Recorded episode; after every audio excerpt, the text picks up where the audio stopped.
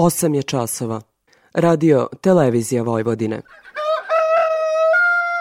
Dobro jutro, moj bekrio. Ovde si mi poranio. Dobro jutro, moj bekrio. Ovde si mi poranio. Ta kako ne bi poranio kad upravo počinje emisija Radio Novog Sada. Poljoprivredno dobro. Radio magazin za poljoprivredu i selo. Pred mikrofonom je Stevan Davidović.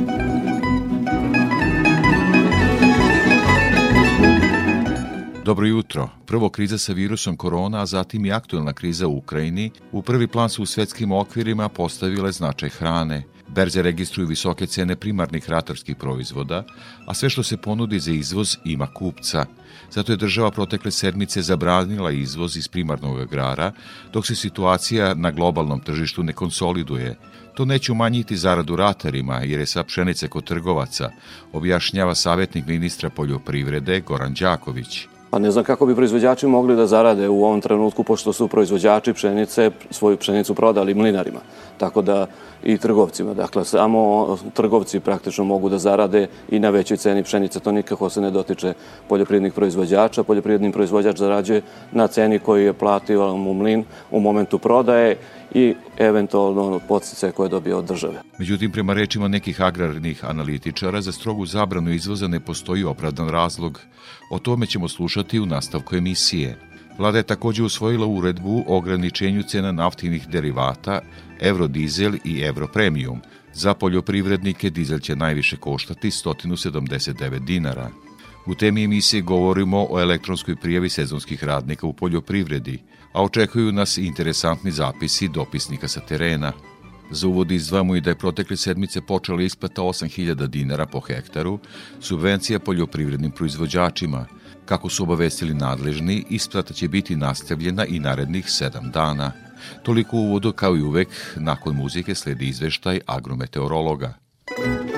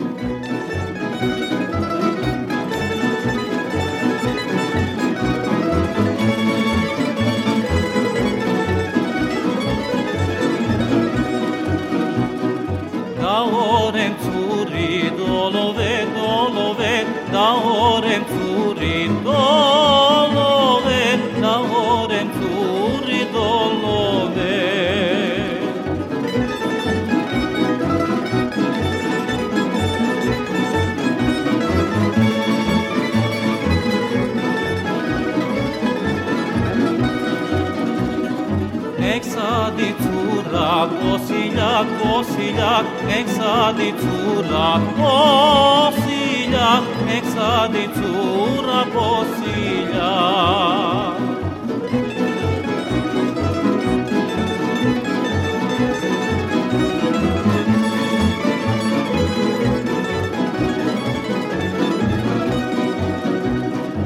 Εξ γίνε κοίτη προζωρέ, προζωρέ.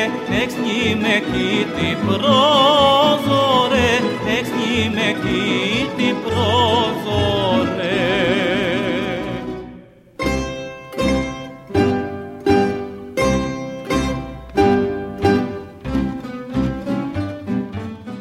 Kao što smo najavili u uvodu u prvim minutima poljoprivrednog dobra, sledi izveštaj agrometeorologa iz Hidrometeorološkog zavoda Srbije, Ljiljana Đingalašević. Hladno vreme sa pojavom slabih padavina u većem delu zemlje karakteristika je proteklog sedmodnevnog perioda. Minimalne jutarnje temperature vazduha bile su u intervalu od 2 do minus 9 stepeni, a u prizemnom sloju vazduha bilo je i jačih mrazeva do minus 12 stepeni. Maksimalne dnevne temperature bile su od 1 do 7 stepeni Celzijusovi.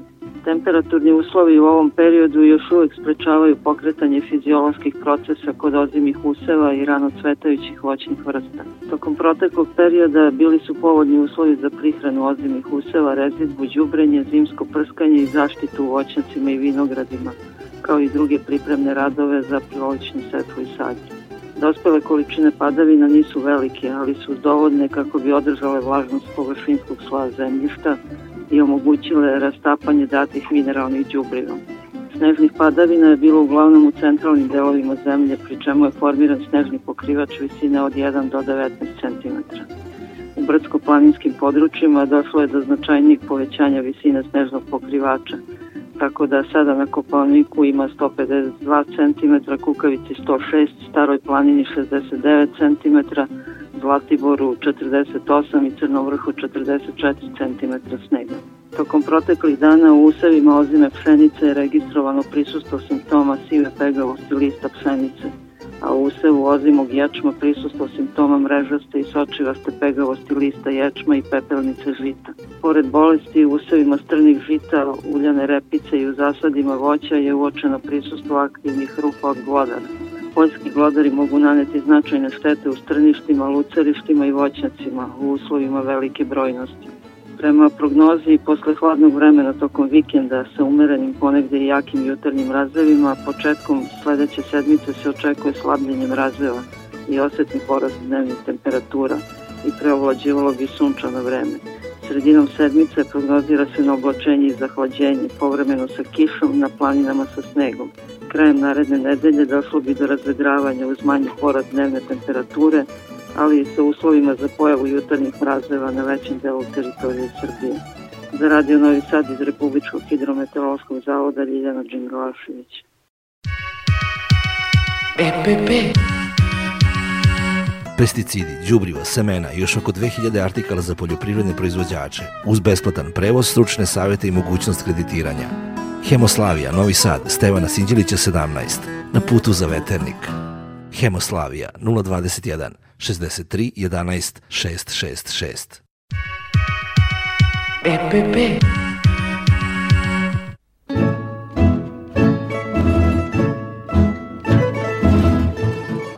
Zabrana izvoza žitarica, brašna i ulja doneće prehrambenu sigurnost i neće uticati na poslovanje ratara, poručuju nadležni, dok neki analitičari odluku države ocenjuju kao preoštru. Da je kriza na tržištu žitarica dokazuje cena pšenice na berzi od 36 dinara za kilogram bez PDV-a. Sve što se ponudi za izvoz ima kupca, što bi moglo da ugrozi domaće zalihe. Zato država zabranjuje izvoz iz primarnog agrara, dok se situacija na globalnom tržištu ne konsoliduje.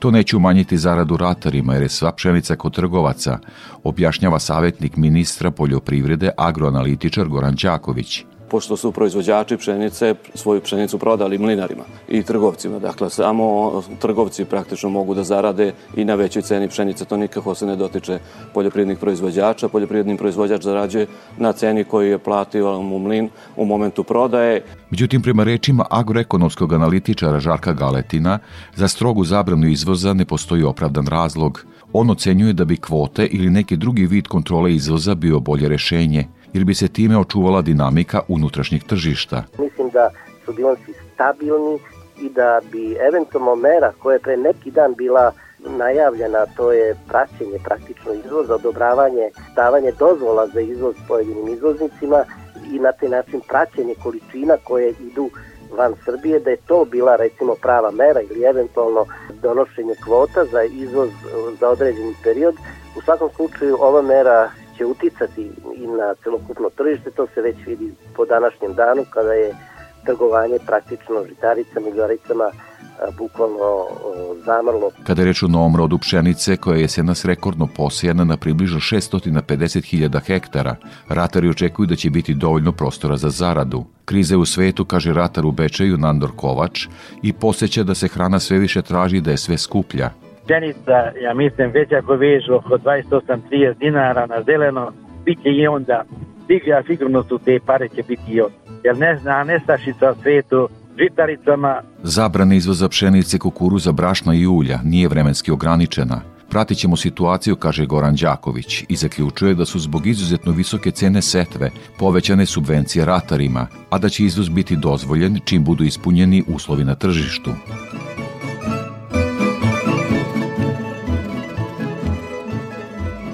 Aktuelna dešavanja na tržištu hrane i nagli skok cena inputa zbunjuju mnoge ratare. Kako objašnjava mladi poljoprivrednik u Bačkoj Palanci Milan Bulajić, teško je predvideti tržište u vreme žetve, pa sa tom matematikom ući u novi ciklus ulaganja, odnosno setvu. Kakva je situacija u ratarstvu s obzirom na probleme sa visokim cenama svugde u svetu, đubrivo, berze? Trenutno nije problem za onoga koji ima merkantilnu robu na lageru. Problem je, će sigurno biti.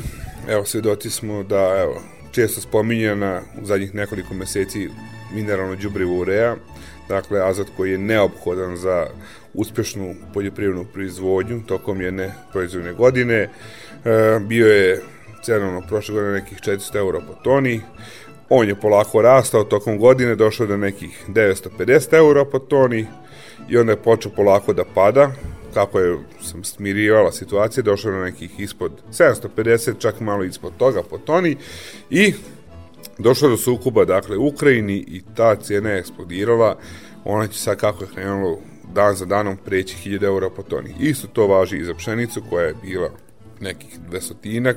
Euro po toni, ona je već danas 380 euro po toni, to je abnormalan rast, to je rast koji ne može da istrpi u svijetu niko, pa ni mi u Srbiji, dakle ne može brašno ako košta. 100 dinara kilogram, ne može ono košta 200. Potražnja je ogromna, niko ne pita koliko košta kilogram pšenice, kukuruza ili soje, samo da se kupi, da se naprave zalih, jer definitivno svi znamo da se Rusija i Ukrajina ozbiljne žitnice sveta, ozbiljna količina merkantilne robe, hrane dolazi iz te zemlje koje su trenutno u sukobu i nikom ovo dobro doneti neće. Koliko god su vodile sankcije, to isto je Rusiji, sve to kontra bumerang efekat ima na sve ostale, da kažem, na Evropu i na samu Ameriku. Dakle, i tamo je tržište apsolutno eksplodiralo. Tamo je otišlo tri puta pšenica, ako je koštala 200 dolara, tamo je sada 600 dolara. Tamo kilogram hleba ako je bio dolar, sad je tamo 3-4 dolara kilogram e, hleba. Dakle, oni trpe ogromne finansijske posljedice. Ceo svet je upao u ozbiljnu krizu. Mislili smo da je korona bila oštra, ali izgleda ovaj sukob na evropskom tlu će biti još oštriji po poljoprivredu, a samim tim kad se poljoprivreda dotakne, dotiče se i sve ostale ekonomske grane koje su dakle sve, sve prisutne u bilo koje zemlji, bilo gde na svijetu. E, mi više kao poljoprivrednici ne znamo šta će biti sutra, ne znamo šta će biti za mesec dana, ne znamo šta će biti za godinu, a ni za dve, ni za tri. Mi više ne znamo apsolutno ništa, ne znamo čemu da se nadamo i šta može da nas očekuje.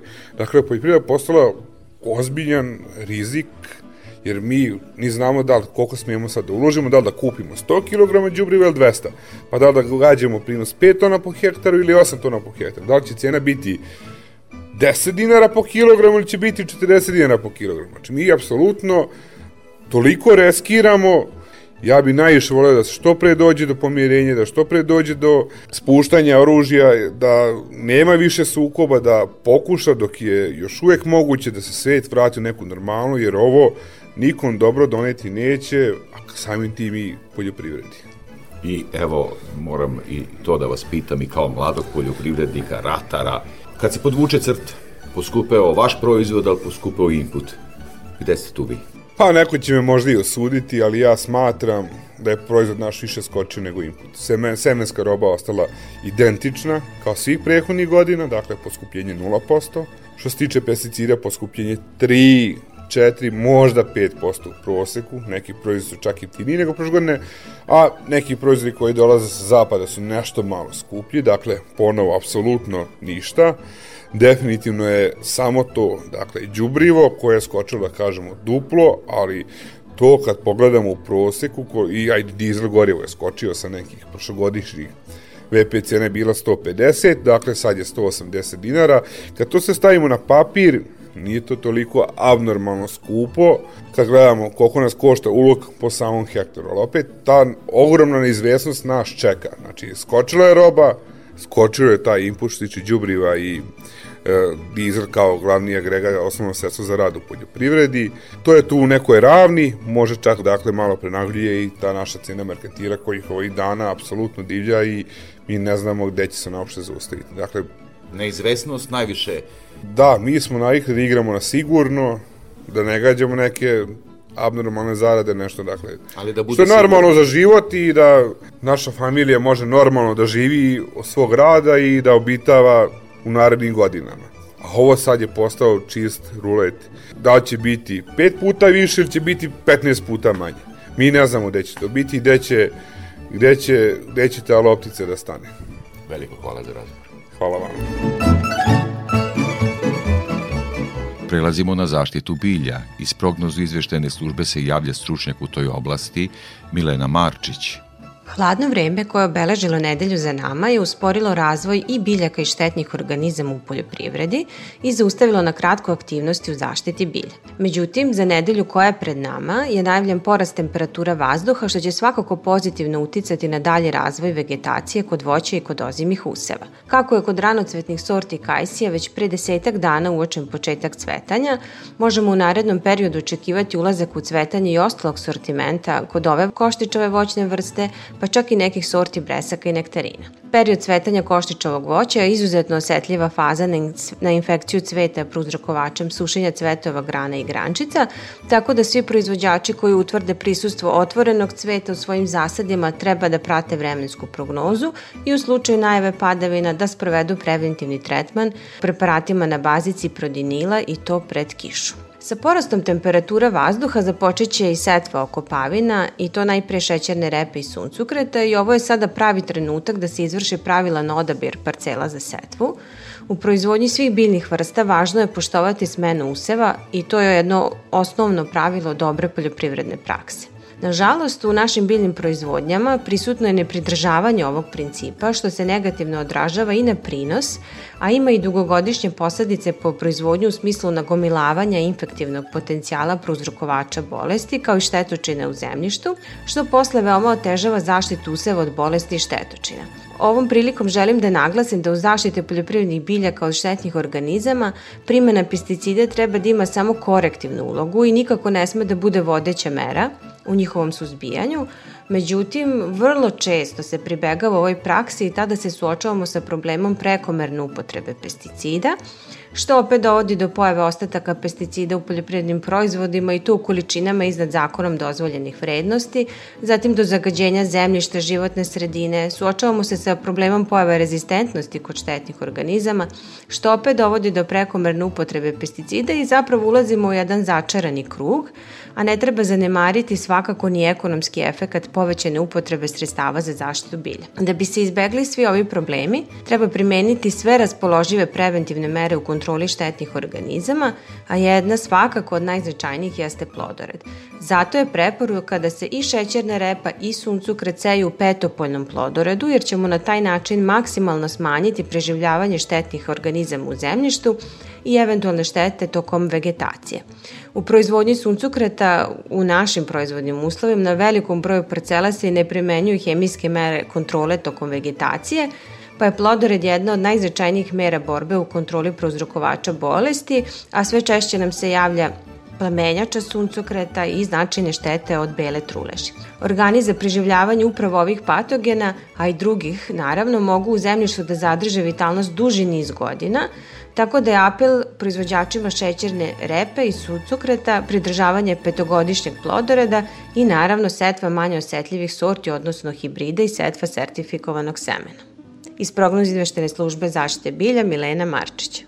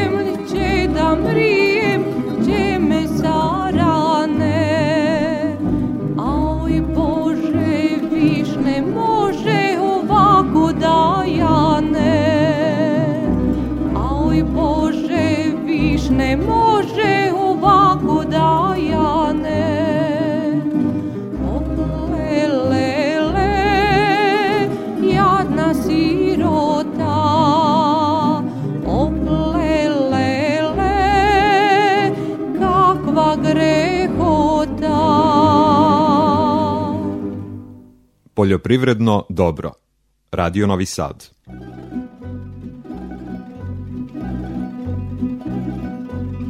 O trgovanju na Nosadskoj produktnoj berzi izveštava Anja Jakšić.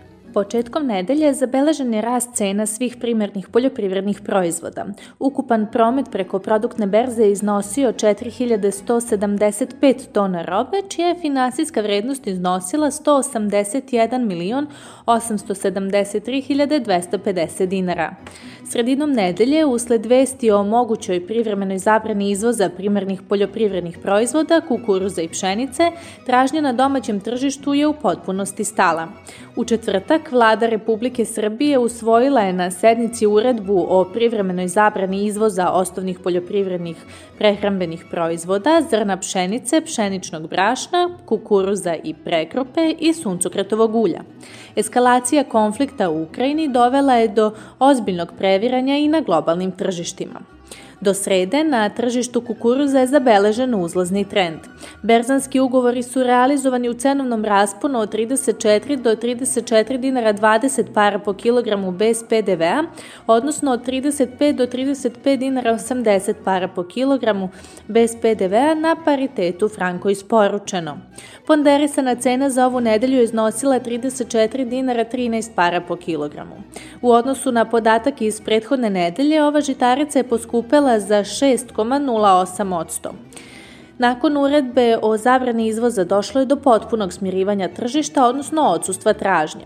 Tokom februara izvezeno je 161.629 tona kukuruza, a ukupan izvoz u tekućoj ekonomskoj godini iznosi 731.158 tona, što ukazuje da je kukuruz jedan od najznačajnijih izvoznih proizvoda iz Srbije. Više od polovine godišnjeg roda kukuruza kao tržišni višak odlazi u izvoz. U narednom periodu gde je prisutna neizvesnost, ostaje, ostaje nam da pomno pratimo splet dešavanja razvoja ovakve situacije. Pšenica je uzela najveći količinski primat u trgovanju na robno-berzanskom tržištu. U zavisnosti od kvaliteta, ugovori su zaključeni od 35 do 36 dinara po kilogramu bez PDV-a. Ponderisana cena ove žitarice iznosi 35 dinara 54 pare po kilogramu, što predstavlja rast od 4,69% u odnosu na prethodnu nedelju. S obzirom na stanje na međunarodnom tržištu nije iznenađujuća povećana tražnja i rast cena kod nas. Kao i kod kukuruza, do srede nije zaključen ni jedan kupoprodajni ugovor. Tokom februara izvezeno je 57.389 tona pšenice, a ukupni izvoz za 2021-2022 godinu iznosi 724.544 tone. Najveći kupac pšenice tokom februara bila je Italija sa ukupno 28.257 tona robe. Za razliku od žitarica, tržište soje je bilo aktivno tokom cele protekle nedelje. Realizacija berzanskih ugovora na paritetu franku utovareno kretala se na cenovnom nivou od 77 do 78 dinara po kilogramu bez PDV-a sa jasnom tendencijom rasta cene. Ugovori na paritetu franko isporučeno zaključen je po jedinstvenoj ceni od 78 dinara 50 para po kilogramu bez PDV-a. Ponuda većih količina ove uljarice je izostala. Ponderisana cena iznosila je 77 dinara 20 para po kilogramu, te u odnosu na prethodnu sedmicu soja je poskupela za 1,62%. Osim na domaćem, cene su jačale i na inostranom tržištu. Suncokretovom sačmom sa 33% proteina početkom nedelje se trgovalo po ceni od 37 dinara po kilogramu bez PDV-a, da bi sam kraj nedelje doneo realizaciju na cenovnom nivou od 40 dinara po kilogramu bez PDV-a sa preuzimanjem tokom marta. Rast cena đubriva ostaje jedna od glavnih briga za sve proizvođače. Preko produktne berze ugovor za ureu kutinsku pakovanje 500 kroz 1 realizovan je po ceni od 106 dinara 20 para po kilogramu bez PDV-a. Ugovori za prilovanu ureu ruskog porekla realizovani su od 108 dinara 24 pare do 108 dinara 55 para po kilogramu bez PDV-a. Mađarski kan pakovanje 25 kroz 1 je prometovan po ceni od 82 dinara 33 para po kilogramu bez PDV-a. Prometovan je istočni ječan po ceni od 33 dinara po kilogramu bez PDV-a. Sa produktne berze Anja Jakšić.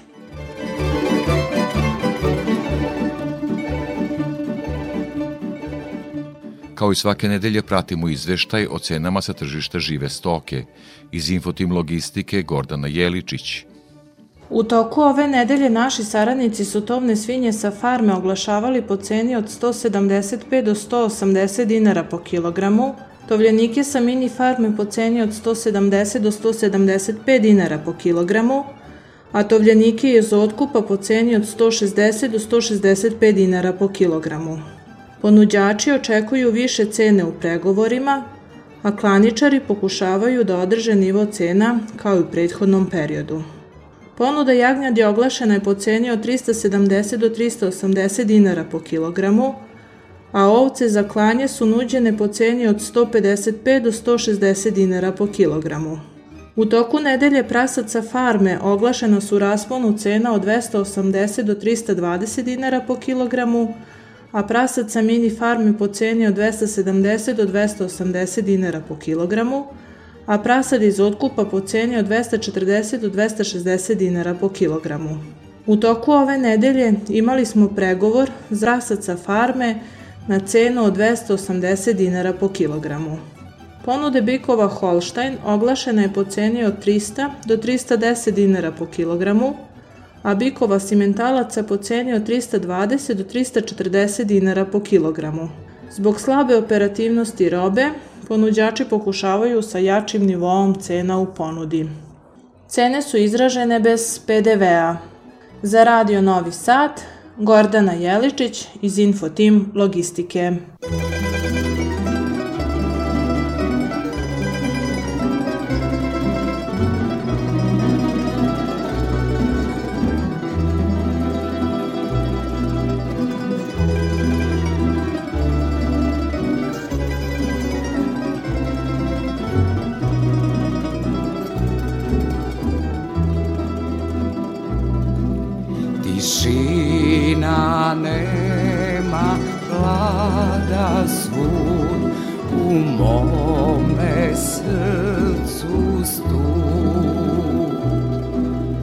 Dragana tražim, a zalud kad njega nema tu.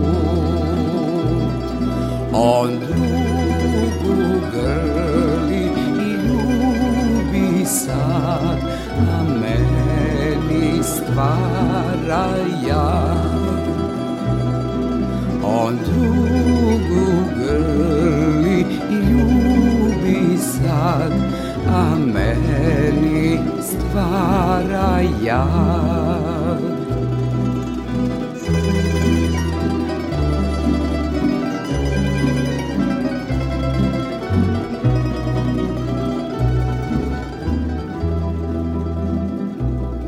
Kad bledi mesec dadne znak da mirno spava svak.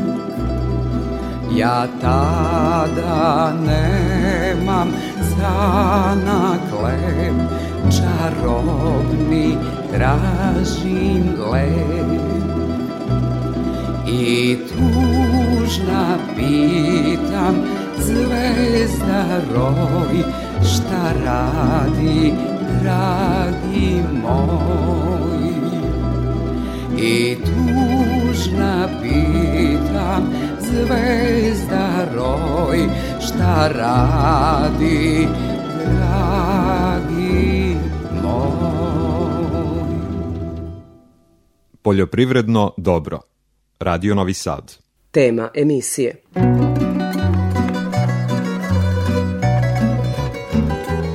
Temi emisije govorimo o elektronskoj prijavi sezonskih radnika. Naime, za tri godine koliko se primenjuje platforma za elektronsku prijavu sezonskih radnika, višestruko je povećan broj prijavljenih radnika, od čega imaju koristi i poslodavci i radnici. O prednostima takvog načina angažovanja radne snage razgovarao sam sa saradnicom Naleda Isidorom Šmigić. Pre 2019. godine kakva je bila situacija kada je reč o zapošljavanju sezonskih radnika u poljoprivredi?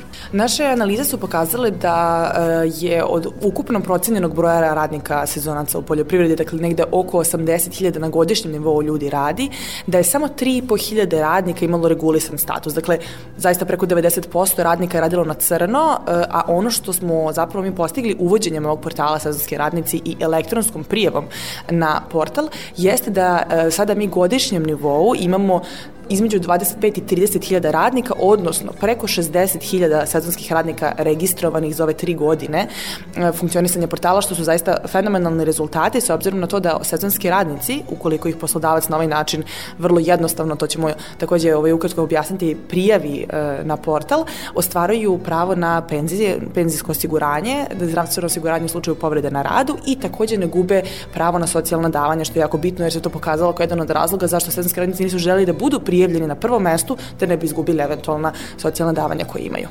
I tako da kažem, ko su korisnici ovog portala, odnosno e, ko sve sada može da aplicira i da radnika na zaista regularan način za njegovo najbolje dobro uposli u poljoprivredi? Ovim e, zakonom o e, angažovanju sezonskih radnika u poljoprivredi omogućeno je da poslodavci budu kako e, pravna lica, dakle firme, tako i fizička lica, odnosno recimo vlasnik poljoprivrednog gazdinstva takođe može da registracijom na portal zapravo ostvari pravo da registruje sezonske radnike u poljoprivredi. Registracija je radnika je vrlo jednostavna, zaista je potrebno nekoliko minuta, ukucaju se osnovni podaci, to je um, jedinstveni matični broj građana, odnosno tog sezonskog radnika, vrsta posla od, jel, koji će radnik obavljati i datumi angažovanja i to je to. Dakle, vi zaista za nekoliko minuta registrujete radnika, taj sistem je povezan na direktan način sa sistemom Poreske uprave, tako da e, poslodavcu automatski elektronski stiže obračun koji treba da plati na kraju meseca e, za te dane angažovanja koje je sezonski radnik radio, koji se obračunavaju samo za te dane. Dakle, koliko je neko radio samo 5 dana, za tih 5 dana nešto preko 300 dinara po radniku za e, je iznos poreza i doprinosa, nevezano od toga kolika je naknada za radnika. Dakle, to je nešto što vi dogovorite nevezano od e, te obaveze koju imate da platite, a s druge strane taj sistem je takođe povezan direktno sa sistemom centralnog registra za obavezno socijalno osiguranje i na taj način taj radnik ostvaruje svoja prava i na penziju i zdravstveno osiguranje u slučaju povrede na radu. Sad ste lepo rekli šta dobija radnika, šta dobija poslodavac? Poslodavac na ovaj način ima vrlo jednostavnu, efikasnu proceduru da prijavi radnika, dakle do ove reforme bilo je potrebno prilike 5 sati administrativnog rada da biste prijavili radnika na e, neki ugovor, na ovaj način zaista za, na nekoliko minuta prijavite e, radnika, a s druge strane, e, dakle, vi poštujete time jel, obavezu koju imate da, e, da, na, da, da zapravo te radnici rade i da ostvaruju svoja prava, tako da e, poslodavci su dobili mnogo efikasniju proceduru i povoljniju proceduru takođe, s obzirom da se ona obračunava na dnevnom nivou. Vaš portal naravno prate i zakonska odgovarajuća rešenja. Zakonom, e, kada je to regulisano i kako funkcioniše u praksi? Zakon je usvojen 2018. godine. To je uh, zakon koji reguliše samo ovo pitanje, dakle on ne reguliše radna prava generalno, nego se odnosi samo na angažovanje sezonskih radnika u poljoprivredi i stupio je na snagu 1. januara 2019. godine. Tako da od 1. januara moguće je sezonske radnike na ovaj način angažovati, oni ostvaraju uh, prava koje smo već ranije pomenuli, a uh, takođe je možda važno pomenuti da osim elektronskog portala od 2019. godine takođe postoje i mobilne aplikacije, tako da ovo su zapravo prve mobilne aplikacije koje omogućavaju ovakav državni servis e, koji postoje naravno kako za Android, tako i za Apple platformu e, i e, naši podaci iz sistema pokazuju da zapravo poslodavci puno koriste i mobilnu aplikaciju jer je vrlo jednostavna za korišćenje, dakle postoji pristup i preko kompjutera, ali i preko mobilnog telefona. Ako sam ja, primjera radi, registrovao poljoprivredno gazdinstvo, u određenom momentu potrebni su mi sezonski radnici, imam mobilni telefon, Android podloga, Šta je sve potrebno da uradim, koliko je to složeno i koje su adrese gde treba da se prijavi? Dakle, potrebno je da se registrujete prvi put kada pristupate portalu, potrebno je da e, neko verifikuje vaš identitet. Postoji nekoliko načina da se to uradi. E, prvi e, i zapravo najjednostavniji način je da e, neko ko već ima nalog na e, ovom sistemu vas direktno registruje. Dakle, to može da bude e, vaš komšija recimo ili može da bude e, neko u lokalnoj samoupravi. Dakle, u, u okviru ovog projekta oformljeno je 97 servisnih centara u lokalnoj samoupravi.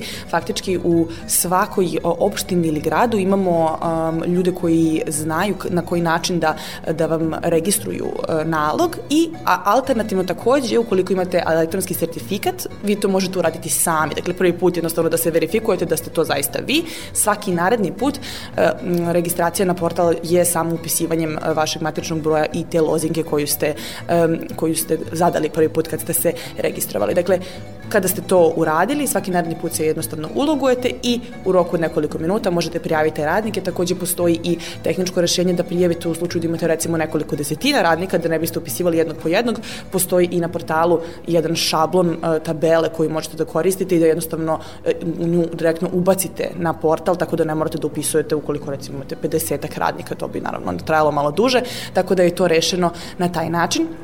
U tom smislu uh, ovaj sistem je zaista jedan od uh, neverovatno jednostavnih i to je pokazalo činjenica da ima skoro 600 korisnika uh, kako pravnih tako i fizičkih lica koji koriste uh, ovaj sistem uh, i u, to vidimo da se nekako i taj broj uh, poslodavaca raste tokom, uh, tokom godine.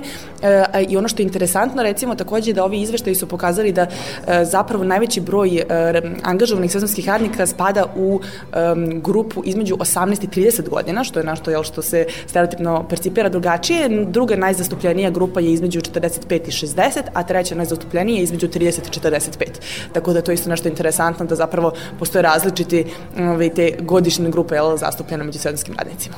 Pomenuli ste više puta ulogu lokalne samouprave, pa da možda pojednostavimo i preciziramo. Dakle, uloga sa lokalne samoprave u ovome je pre svega uloga uh, podrške kako poslodavcima, tako i sezonskim radnicima da deli informacije i da one koji uh, ne mogu ili ne umeju da se registruju sami da pomogne u tom smislu. Uh, ono što je takođe važna mogućnost jeste da i sezonski radnici mogu da registrovanjem na portal imaju uvid u to kojih je i za koje dane registrovao. Tako da to je isto nešto što sezonski radnici jednostavno na jednostavno način mogu da provere koji kada su bili kojih je poslodavac e, registrovao, a s druge strane e, ono što je takođe e, važno jeste da mi kada smo ovaj sistem pravili, nekako smo se trudili da uzmemo najbolja iskustva iz, iz regiona, tako da smo dok smo ovaj sistem nekako analizirali bili u sudijskoj poseti Hrvatskoj i takođe u sudijskoj poseti Mađarskoj, gde smo um, videli kakva rešenja tamo postoji i zapravo unapredili rešenja koja su već bila, da kažem, tamo razrađena, time što je naš sistem u potpunosti elektronski, dakle ni u Hrvatskoj ni u Mađarskoj to e, nije slučaj. Mi smo se opredelili za ovaj sistem kao nešto što je nekako najefikasnije i digitalizacija zaista do, doprinosi neku dodatnu, donosi neku dodatnu vrednost, e, a ono što je interesantno jeste da s obzirom na veliki uspeh ove reforme u Srbiji, da su se e, naši partneri i e, kolege iz regiona zainteresovali, tako da smo uspostavili saradnju sa e, partnerima u Albaniji, Crnoj Gori i Severnoj Makedoniji Makedoniji, gde se zapravo razvijaju slična rešenja u poljoprivredi ili u drugim oblastima kao što recimo turizam u Albaniji koji je takođe relevantan zbog broja sezonskih radnika, gde oni zapravo po ugledu na naše rešenje pokušaju da razviju takođe i zakonski okvir, ali i to tehničko rešenje za prijevu sezonskih radnika.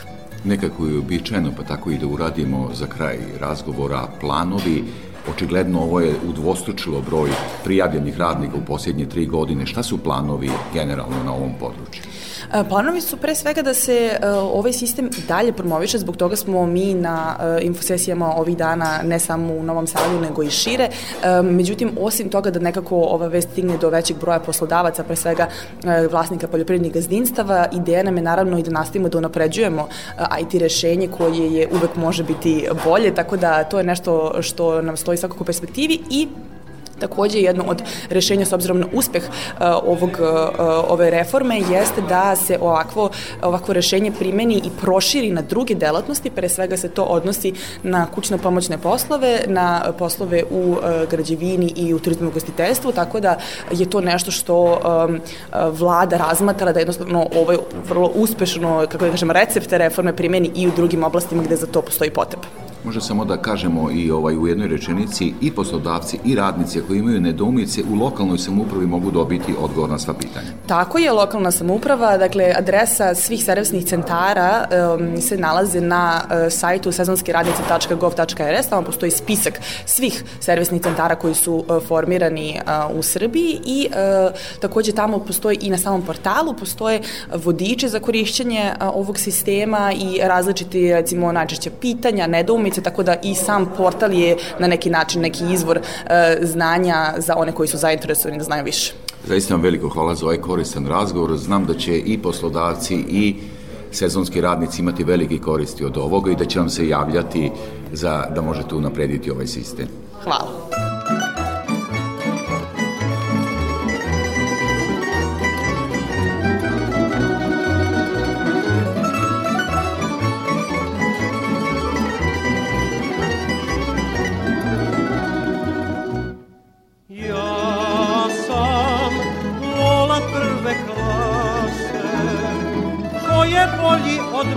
Ne zna se, ko je bolji nek nosi pobedu, moje zlato ljubiti ne smedu.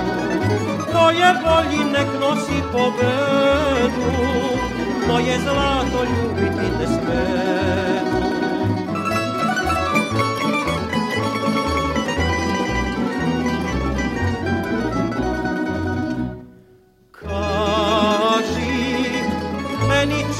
Jelo, je li istina voliš me za celo? Istina je, jest tako mi Boga, tebe volim i više nikoga. Istina je, jest tako mi Boga, tebe volim i više nikoga.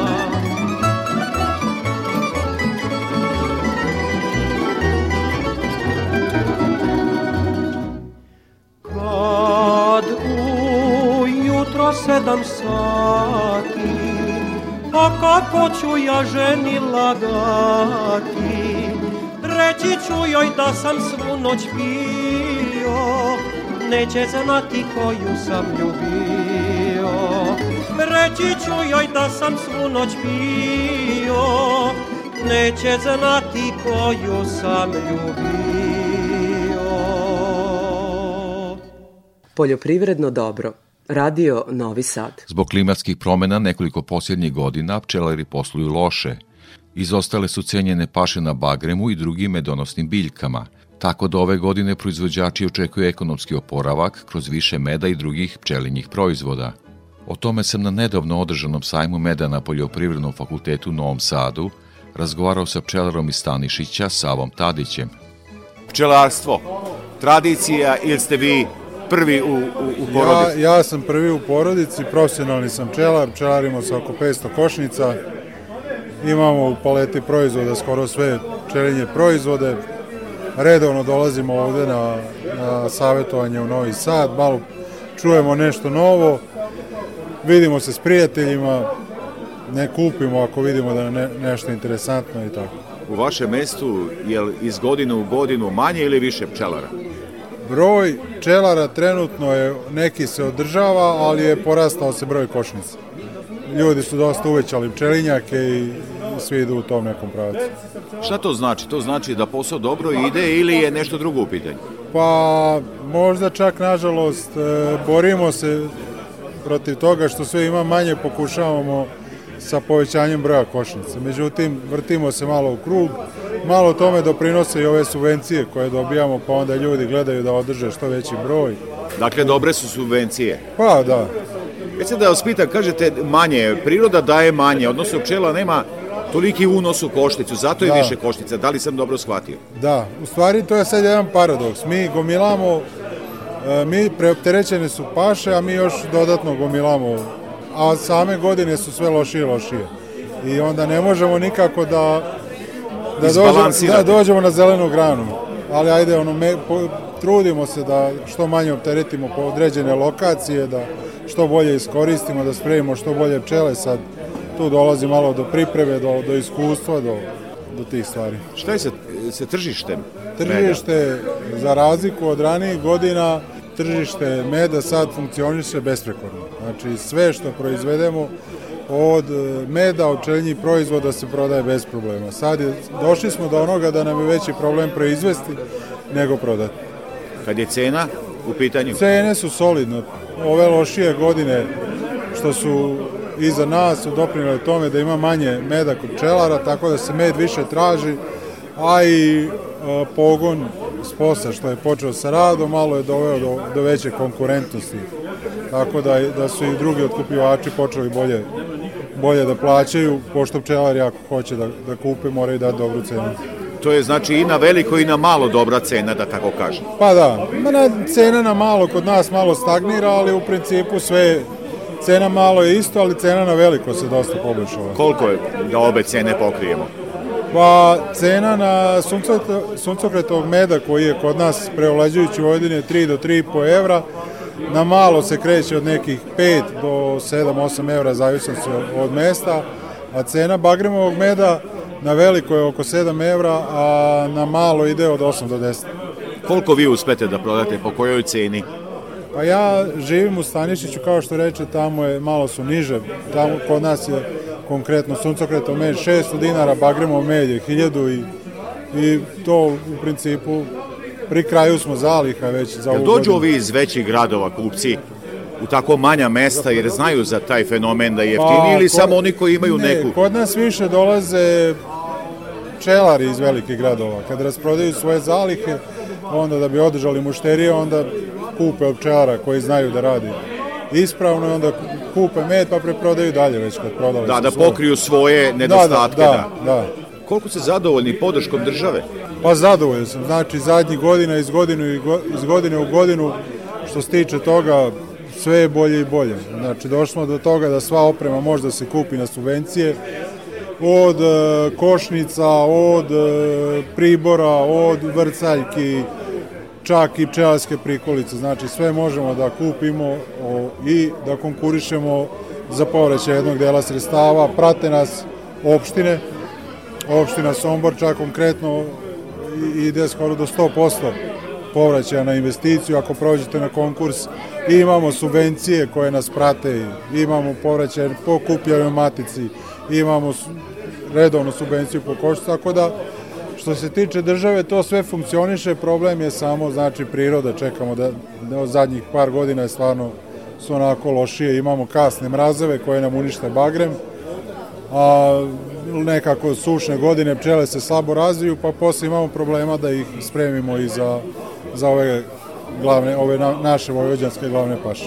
Predlažem da se, ali vrlo kratko vratimo na početak našeg razgovora.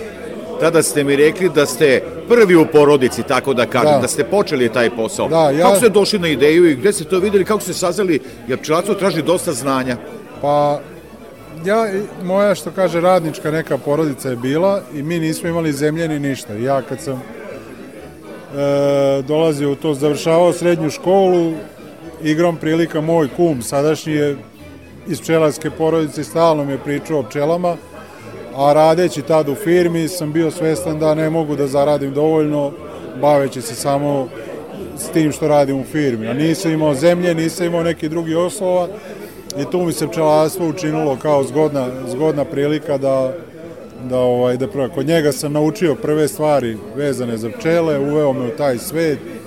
Od nje on mi je dao i prve košnice i tako uz njega sam počeo zavolio. Znači niste i- pogrešili. Ne, ne što kažem, pčelar je postalo moje drugo prezime.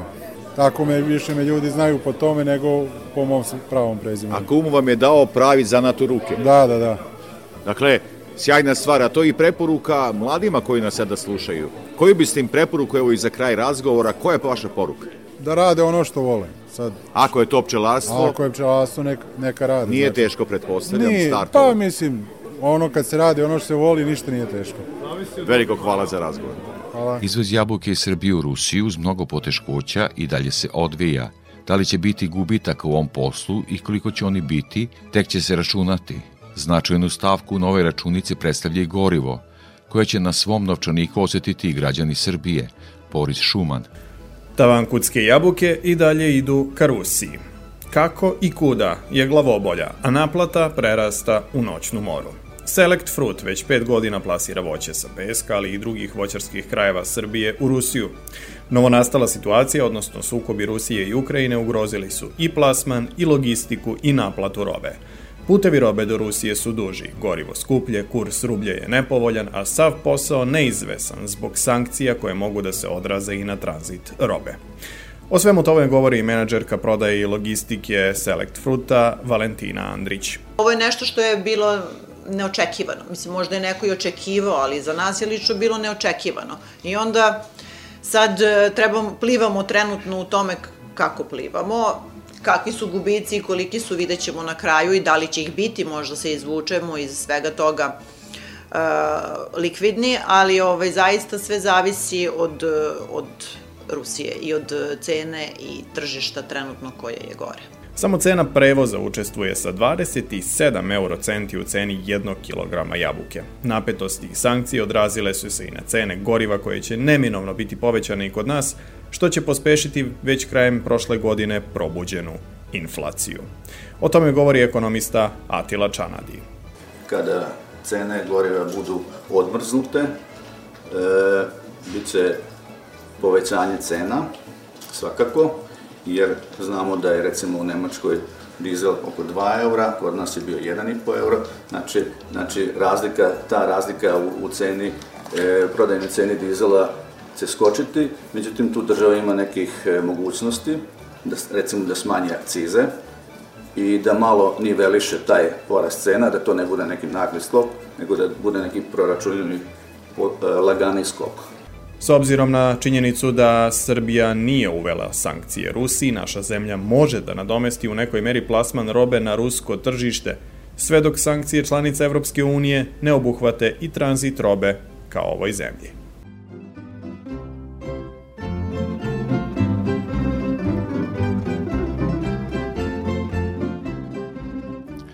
I pred krajem emisije još jednom prognoza za narednu sedmicu.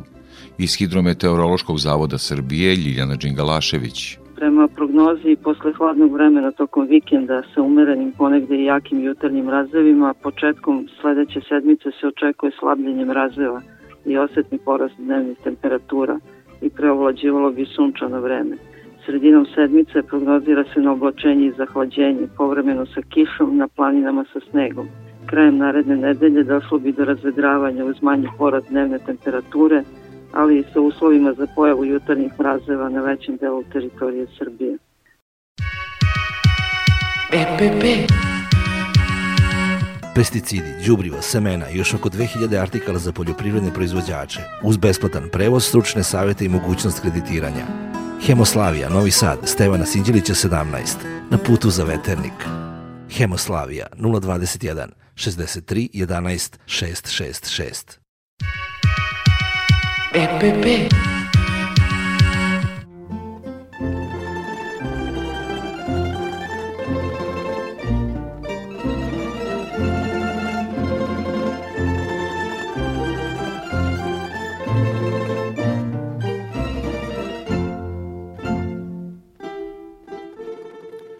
To bi bilo sve što smo pripremili za ovo izdanje poljoprivrednog dobra Radio Novog Sada.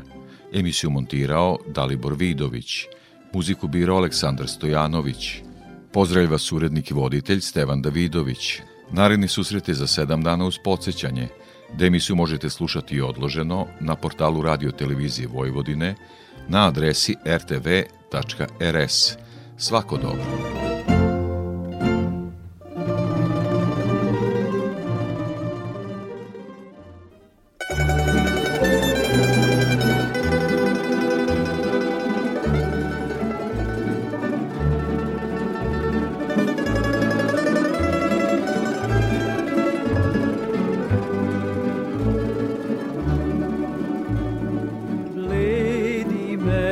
mesec zagrlio zvezdu danicu A ja mrzim tvoju zlatnu kosicu. Samo reci mi da me ljubiš ti? Da živimo kosni srećni presrećni Samo reci mi da me ljubiš ti. Da živimo ko svi srećni, presrećni